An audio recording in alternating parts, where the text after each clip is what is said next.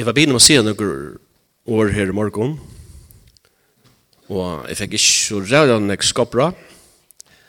Men anker har jo sagt at jeg var begynner med å si noen år, og ikke hos noen tog, så, så skal du ta seg til som uh, ligger der i hjertet, og ta seg til som er det er snurr opptidgen min for togjen. Altså det er her jeg er nå. Så i beskriften, min bådskap i morgen, til er vinnarlega og samfunnet ved god. For meg er det en, en, en uh, utrolig fascinerende og spennende og, og tanke å huske seg at skaparen av himmel og gjør av et eller annet er han som er skaparen min og feir min og er herre min og frelser min og endeløser min og daumar min og hva det kan sies at han ønsker at hava samfunnet vi med. Og faktisk lunch dette du. At det er spennende tanke, men til samfunnet er det blir en øyelig reende tanke for meg. Altså. Han, han virker øyne forpliktende, for å si det mildt. At det kan være en vinnerlig, og en kommende vinnerlig, og et samfunnet vi, vi skapte av universen. Og spør jeg så, men hva er det forutsetningen for det her?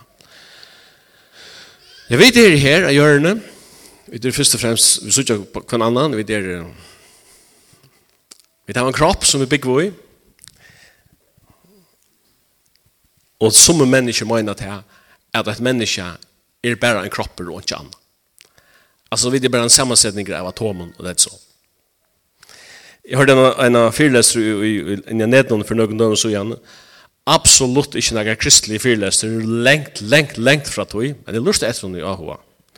Og så sier det sånn her som en fyrløster. Jeg er ekkert glad for Louis at jeg tar meg også om universet og tilvildene og alt det som er frem fram og i, og i alle heimene. Ja, det har alt fikk lot i Louis, noen sier han, og det er veldig spennende. Jeg vet at jeg er en av fyr, så helder alt det til Europat, og så er jeg vekk. Og en dag så er universet utbrent og helder Europat, men så er vi tross alt vær her. Det er alltid veldig stort litt og spennende. Og Och så säger han men men iviskipa, ja, iviskipa mening vi tillvärna det existerar ikke. Det är inte min ingen annan mening i løven enn den mening som jeg selv kan gjøre løven til som Og Och så säger han akkurat det som faktiskt er också rent. Han sier det finns helt ingen moraler i tillvärna. Utan det som är och vi selv bestemmer skal være. Det er inte som er rett, inte som er skøft, inte som er godt, inte som er ringt. Utan det som vi bestemmer. Alltså, for jeg sier det som förra kantar. Det er ikke skøyft at misbruka bøkken, bøten kjenslige og han løgte ikke samtidig. Altså, vi kunne si det på den måten. Det er anker man bestemmer det. Men innast inne vet vi alt sammen at det passer ikke. Det er instinktivt når jeg går igjen som sier, hatt det skøyft, og til indiskutabelt. Hva er det her? Du vet, det er skapt vi er en moralsk kodex som skapar en lagt ned i okken Og han er ikke også samfunnet vi også. Men grunnleggende forutsetning for samfunnet vi, vi skaper i det her, at vi må førast av anta. Hvor det her? Det går så å si at god er ante, og de som tilbyr han må tilby og i anta og i sannløyga, tog det er slikas tilbyr som feiren søker. Og Rombra, nei, Korintbra sier at holdt og blå kan ikkje arva rujje gods, og for gangelig løyje kan ikkje arva og for gangelig løyje. Tror jeg enda for en til. Og den mæren kommer til Jesus og natt, sier vi han, vi vita at du er, Altså, vi vita. Ja, han visste jo eller nek. Men så sier Jesus vi han, sannelig jeg sier det her, vi er ikke født fra nødgjøn, kan han ikke sutja rujje gods. Han visste ikke det som er det aller viktigste. Men han visste jo eller nek, og det var ikke forkjørst det som han visste. Men det aller viktigste visste han ikke at mennesker må føre seg nødt. Og Jesus forklarer noen seg side at det som er født til å holde noen er holdt, og det som er født til å andan noen er ant. Vi ører når hun en andalig vera vi er født av andan. Og tog Guds ord legger så utrolig større tøytning den til å hette at en menneske må være født av andan og være født av andan. Til Guds ord, den fundamentale forutsetningen for å kunne være inn og i et samfella vi god. Og i Jakobsbraunen stender et vers som var damer vel. Han stender halde dykk nær til god, så skal han halda seg nær til dykk. Det, det er ekstremt, altså, det er så simpelt som det kan være. Halde dykk nær til god, så skal han halda seg nær til dykk. Men ofte vil jeg bare sitere her til, og så siterer man ikke mer om det stender, så vi er hese her mer anmenningar, anmennar de årene, tvei hendunar til sindarar og rensu gjørstene til tvøysint. Det er i samband vi heter her at halda seg nær til god. Og i Og i, i, i kyrkjen noen hører man ofta at det har sagt «Led dere vi apostelen ikke hver nøyre». Nei, jeg hører dere Jesu Krist, kærlighet Guds, og så kommer et år samfellet hele andans vi er vittikken at at samfella vi vi Guds anda. Og hva, hva, er, hva er det så til å ha samfella vi Guds anda? til hava samfella vi ta løyve som er født av andan og som heter ikke bostad her i New Him. Og det deger alt løyve å lære seg til at, at, at man som sier utvikla til andalige øyre til å høyre til som han som bor innan noe her sier hvem er. Og det andan ofta er symboliserer av utskriftene vi når du Og vi vet at det er at han fuklen er av vanlige følsamer. Øyla vikvam. Det skal øyla lyd til å forstyrre henne du. Så må vi altså være klare i det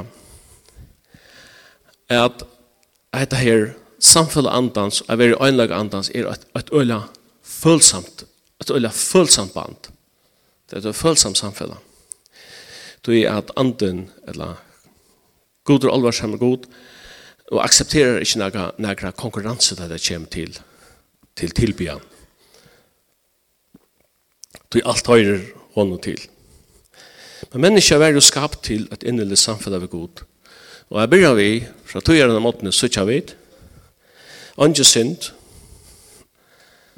ange religion, ange ritualer, bare et innerligt personligt samfunn av god, inntil en dag er fattelig kom inn, og alt brøttest.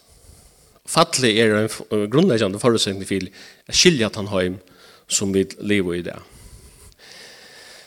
Det minnes til at at en av kom der til Jesus og sette vi han, er det løyvlig å skilje seg fra konesyn av en av hver årsøk? Det er Matteus Nøytjan. Det er han en spurning som, som teker utgangspunkt i noen aktuelle problem som det er falt tvei som er hava, hava vært saman og tog man ikke var saman med, eller hvordan etla i hessen føren er det søk mævren som setter spurningen, hvordan kan jeg slippe av konna på nemmeste mat? For jeg sier det sinter. For jeg sier det sinter brutalt. Han sverar slik ikke direkte på spurningen. Han sverar på alt annet. Han sier vittar, her har tid ikke lyse hva skaparen gjør av fyrsten tog. Vi gjør en åren, så fyr, så fyr frelsaren at rom, at rom fatle, at rom synda fatle, ta i alt harmonera i av fullkomleika, og Og vi har en idealmynd av samfunnet av god. Jeg hadde ikke lyst at han gjør det av fyrsten tog, at han skapte deg som mann og kvinne, og tog for meg over fra feir med å helse til kone sine, og det slår rett alt. Så sier det vi han, ja, men hva er Moses så sagt det? Hva er Moses så skriva? Og dette er jo omkyldnere bra og sånn. Så sverrer han, Jesus at det, det har han gjørst, tog at gjørsten er i hør. Vi gjør når vi lever i, og i i skuggan av noen fattel som er ferdig fram. Vi ödlen tog som det innebär. Men så legger han at seg at, men fra fyrsten tog det ikke vært så. Vi gjør når han venter han atter til idealmyndene, utan at færa og fordøma nærkan som strøyes ved noen problemer i det daglige løven, det gjør vi alt som. Og det er helst ikke mye noe her å sitte og fordøma nærkan og nærkan som helst. Men det er bare han sier at det, at det som god skapte av fyrsten tog, den harmonien og den samfunnet, Det er just det han ikke vi med og til øsne det. Og til det han ikke gjør. Men vi og vi er vel livet i noen fallen høyme, så lever vi et øyne, vi ødlen heimen forhindringen, og ødlen heimen blokkaten, og ødlen tøy forstyrrelsen, som ligger jo i for at forrokkene kom inn i et samfunn er god. Men det var ikke bare mennesker som kunne njøte samfunnet er god, Vi tog så alltid om människans, människans tørver og så er. Men det var også god som kontinuerlig samfunnet vi som synskapere. Jeg vet ikke hvordan jeg har mynter, eller hvordan jeg har fått, hvordan jeg har målninger jeg har sett av de bortfylsa sånn. Jeg har nekvar. til å inspirere nekvar.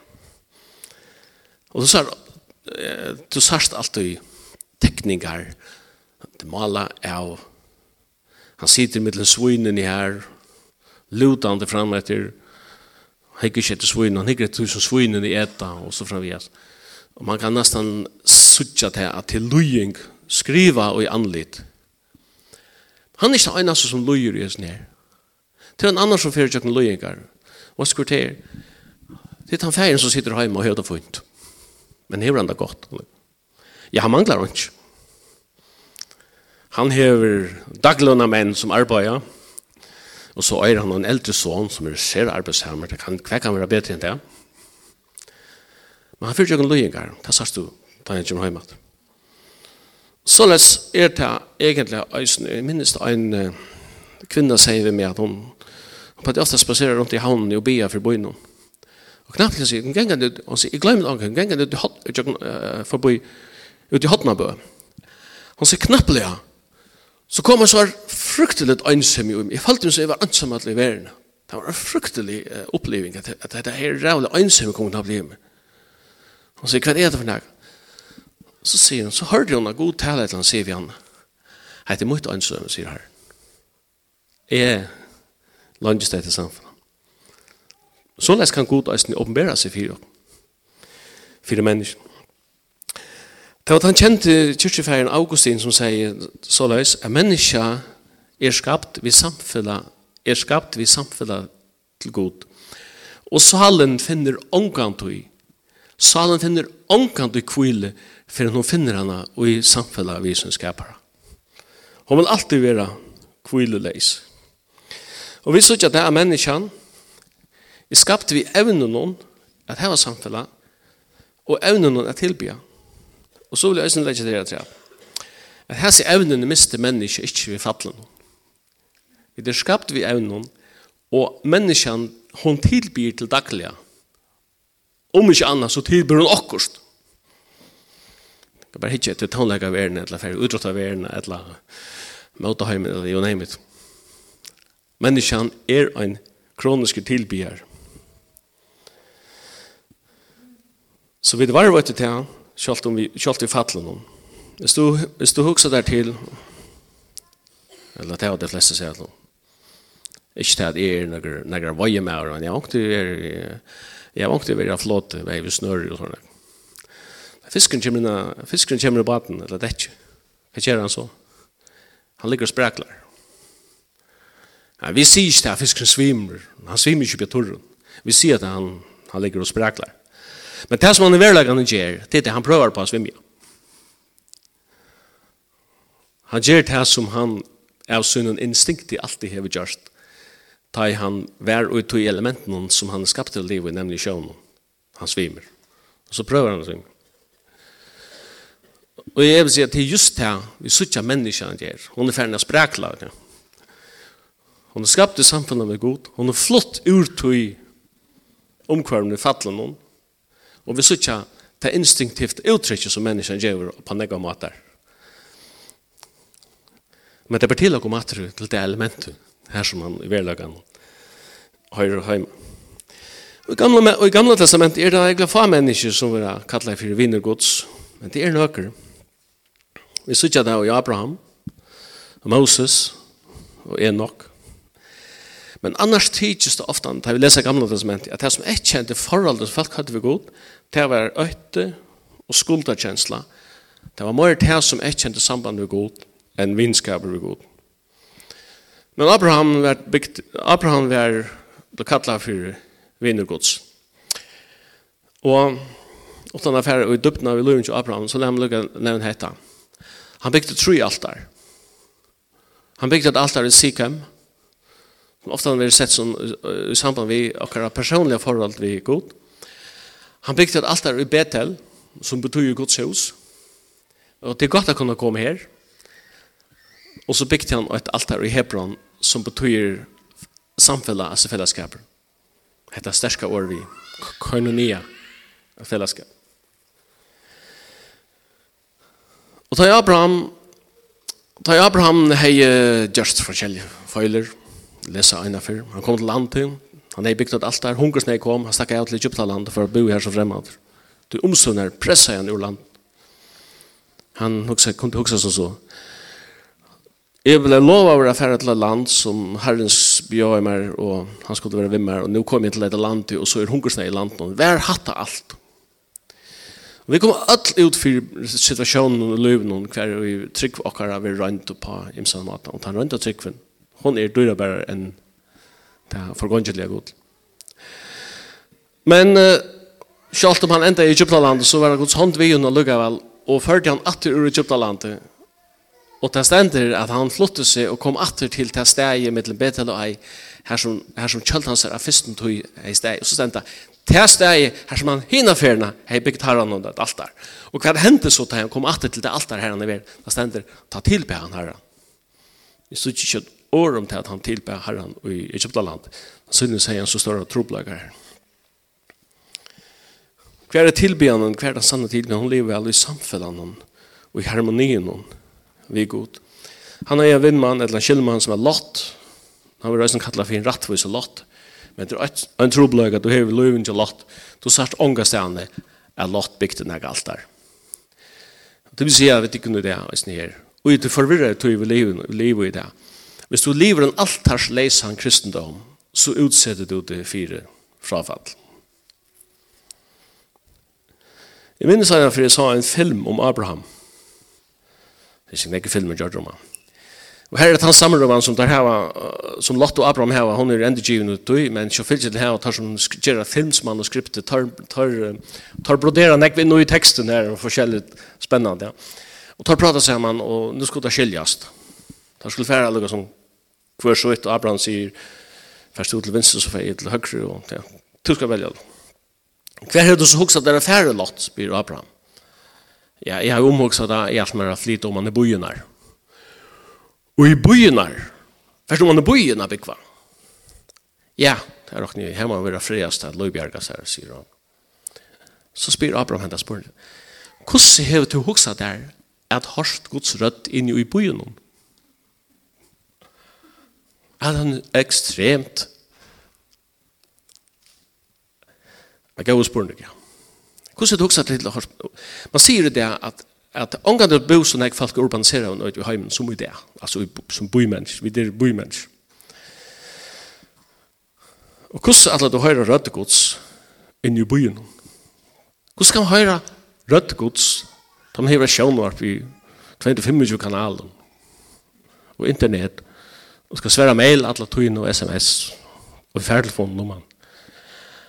Altså, det blir ikke til å lære god å kjenne når man tekster tøy til det. Og byen er ikke akkurat mest egnet. Minns for tøtjeren siden, jeg var ute en tur i Israel, og jeg var en dag ute i øyemarsjen, og bo ikke i natt at jeg hadde noen beduiner. Det var, det var altså et opplevelse for seg. Men jeg tenkte meg, nå er jeg her i øyemarsjen, det har blitt sant.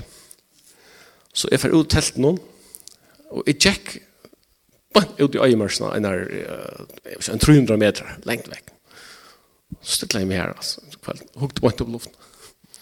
Det var totalt stjøttende klart, altså. Og hvor pura ansamhandel i øyemørsene. Da sa jeg ljøsene fra bedinnersalen. Det var så sned snedig kjensla jeg sitter. Og jeg tenkte meg, jeg forstand jeg lukket vel at det var en lattere til Abraham at høyre godsrød enn da man bor i Torshavn. Jeg minns for noen år siden, en danskare var i fyrjun, han tog seg en, ungdom, en ungdomsmøte, så sier han, vi, vi byggva nere i Danmark, som flata her i Øtland Lærman noen her, men det er så fantastiske fjøtlene, sier han, valsikna til dunke, færre en turen i fjøtlene, og som er den største katedralen, den største kyrkjan som eksisterer. Og tilby god, sier han, til finna han her, sier. Men hva er det så det motsatte av vinnerlei? Ja, det motsatte av vinskap, det er ikke vann futjenskap. Så vinskaper for god og futjenskaper, det er jo motsetninger. Men Guds ord forteller dere til at vi fattler noen, blir vi vidt ikke bare skilt fra god. Hvis det er, hvis det er så er problemet nemmere å løse. Men Guds ord forteller dere til at vi mennesker, vi synder fattler noen, er mennesker ikke bare skilt fra god, til øyne blir vi futjende gods. Det stender om Brown, 5. kapittel. Og så stender det her i vers 12. Tog var vi, tog vi var futsjendar, sått, altså forlukt, samt vi god, vi deg og sånne hans her. Så skulle vi menga møyr. Etter vi der sått vi han, vi var frelst fra røyen. Og dem så sier jeg det her. Jeg du kan omgang tog gjøre til fortjentan til vinskap i Jesus. Det blir stil. Men det er han som tilroknar det her, en rattvis, og gjør til fortjentan, vi sunner rattvis og ikke vi må noen velgjøren eller godgjøren eller hva det nå er. Og så sier han i Johannes 15, 15 Jeg kallet tikkun ikke lange tænarar. Du tænarar var ikke herre hans gjer En tikkun har vi kallet viner Hvor er Du alt det som jeg har hørt fra fægermunnen har vi er kunngjør tikkun Og en viner han døyler sine planer sine atlander Vi sånne her viner Og det er det Herren Jesus sier her. Her er man inne på vinskapen og i nøytestamentlige samband. Du måst onkan annan god hava enn meg, og du måst onkan annan god tilby enn meg, sier Herren, 17. Mosebok 34, 14. i Herren god tuin øyter en alvarsammer god. Åre alvarsammer her merker en, åre er bokstavliga omsett til sjalusi. Akkurat det samme som hender i en en tjonarleie, hvis en person begynner at interessere seg for en knør og for. Hva vet jeg da? Det vet jeg ikke han selv å si. Og det er akkurat det samme ord som god brukar. Det er forholdet som er mellom middelen tvei som er gode kvann annan, og hese for en tjonarleie. Det har vært atter og atter brukt og i Nødja Testament og Gamla testamentet om sambandet mellom god og folkhansere. Du, jeg vil hava kærleika, sier Herren, og ikke slater offer. Jeg vil hava kunnskap om god, og ikke brenne offer.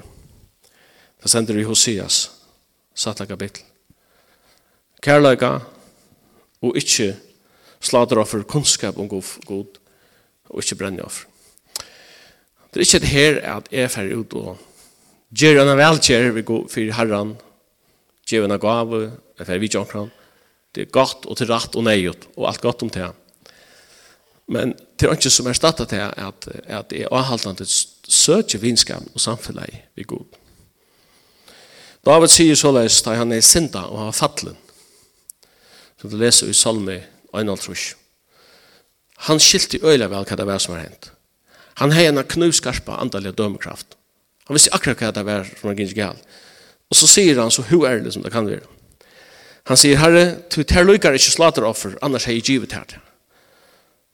Medafron teker du ikke vi. Så sier han vi er.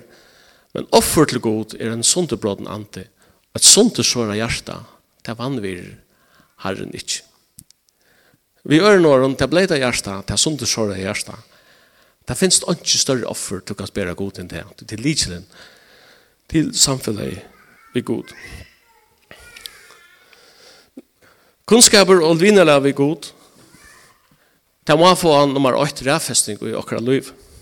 Det er det vi var skapt til. Da Paulus taler til, til filosofene i Aten og i Grekkalandet, så fortalte han om en helt annan bådskap enn tar vi venner vi høyre. Han sier videre at god til skapt alt folkeslø av øyne blå til å bygge om alt gjerne rødt. Så sier han nesten kvoi. Fyra at jeg skulle søke god. Det er enda mal vi tilverden, og jeg synes at han som bor i Aten, var at søtja god. Tan skaparen som er avkjønnliger, som er avgjør, som er allmåttover, og som er ante, og som ikke samfunnet med menneska. Hvordan kan man formidla samfunnet vi en fysisk skapning, der man selv er ante og avgjør? Det kan ikke gjøres på nære mer konkrete måte enn at han god som er avgjør og som er ante, valgte at klea seg i holdt og blå, og blei født inn i menneskens slekt og i fytling tøyanene. Og i sånne synen Jesus Kristus som ikke var 95% god men 100% god og heller ikke var 50% menneske men 100% menneske at du var en fullkomna god og et fullkomna menneske og i øynene personer nå er menneske inkarnera som er søvnar og teologiska største landamal som er at god er menneske i Kristus. Og han skulle at till at han og hever seg med, han hever seg feiren. At god er åpenbæraver. Han er heiler, heiler god og heiler menneske, og i øynene person.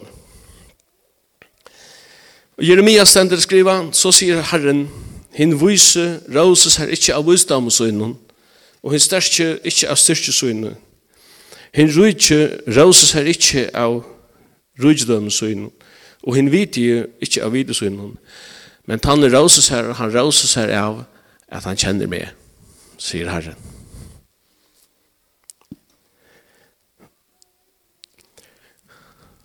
Skal du kjenne god, takk der tog, takk der det beste tog. Det er sikkert nemmere hvis vi bor i en, hvis vi bor med beduinerne her og kunne funnet alt der her og i øyemørsen. Men Gud kan nås hver som helst, alle stedene. Som viner vi vin, omgangs Herren, teg som ettast han. Takk der det beste togene. Det stender Guds åre, at sattmale hans herre skal være falskjøsynnen kundkjørt. Jakobs brev sier til uttrykk vi vidat dit ikkje er vinskaper vi heimen, er futjenskaper vi god, han som tog vil være viner heimses, blir verande fudgjende gods. Og så er det som som spyr, nå, hva betyr nå hatt?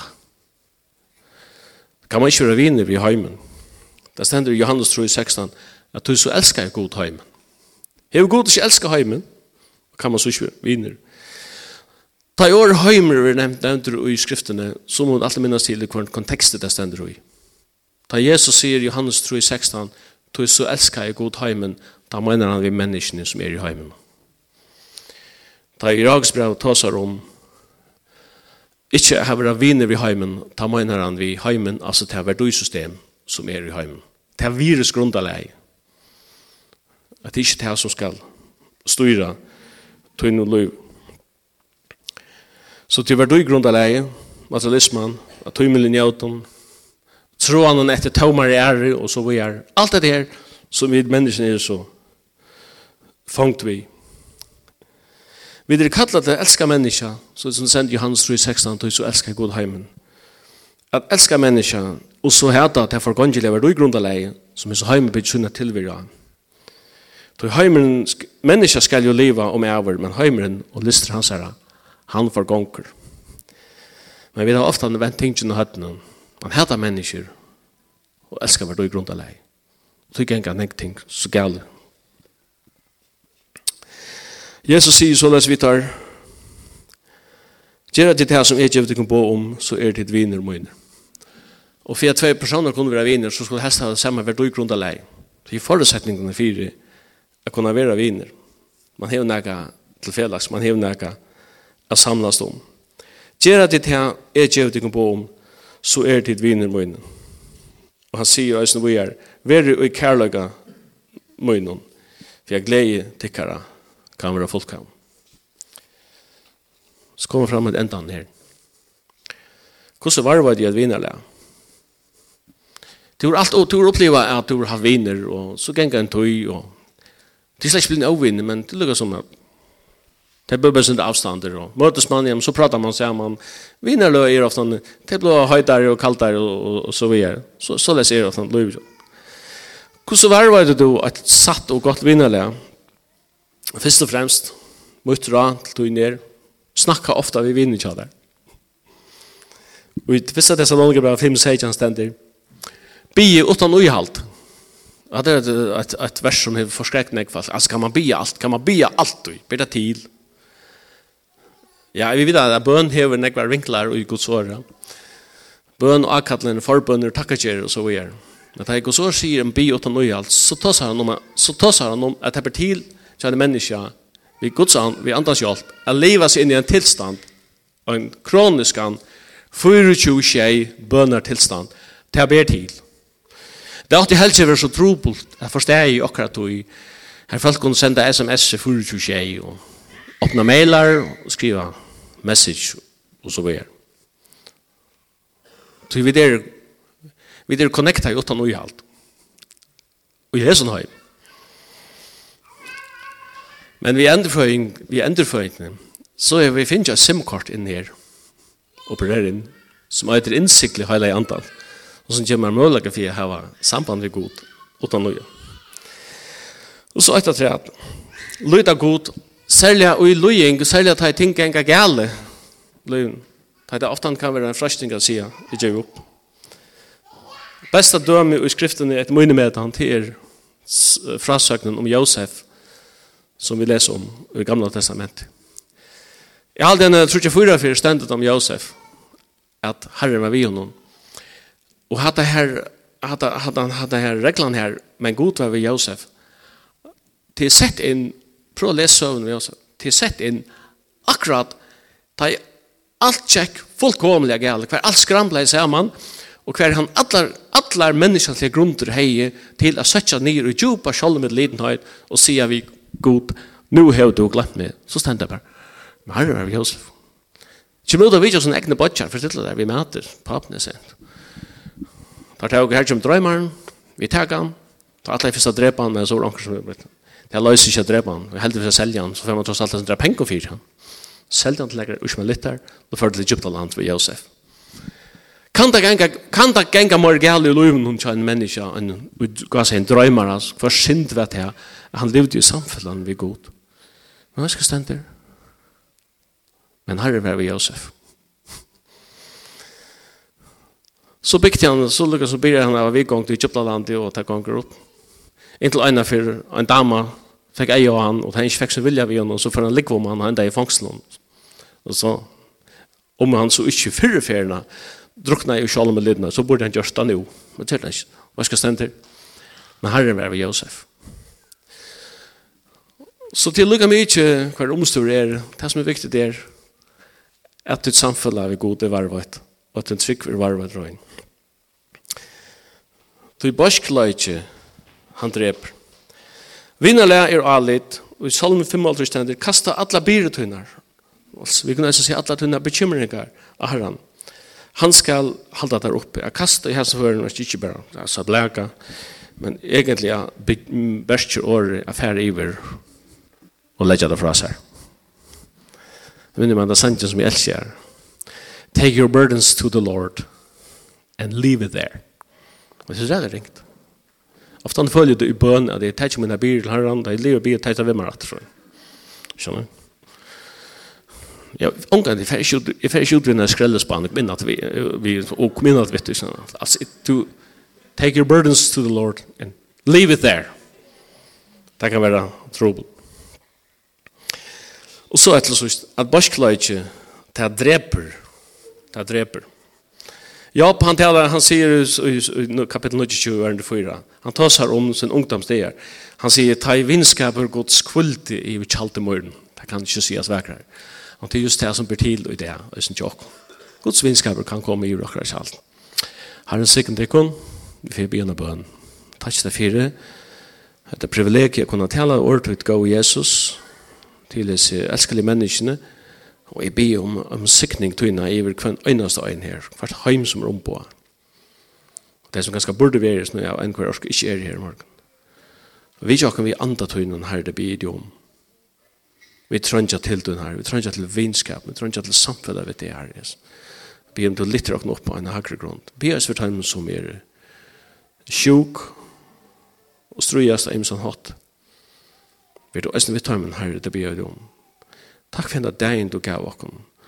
Og la oss inn i et innelitt samfunn vi til herre, og hjelp oss at kappa som har vise hver øren høyre, det blir jeg om.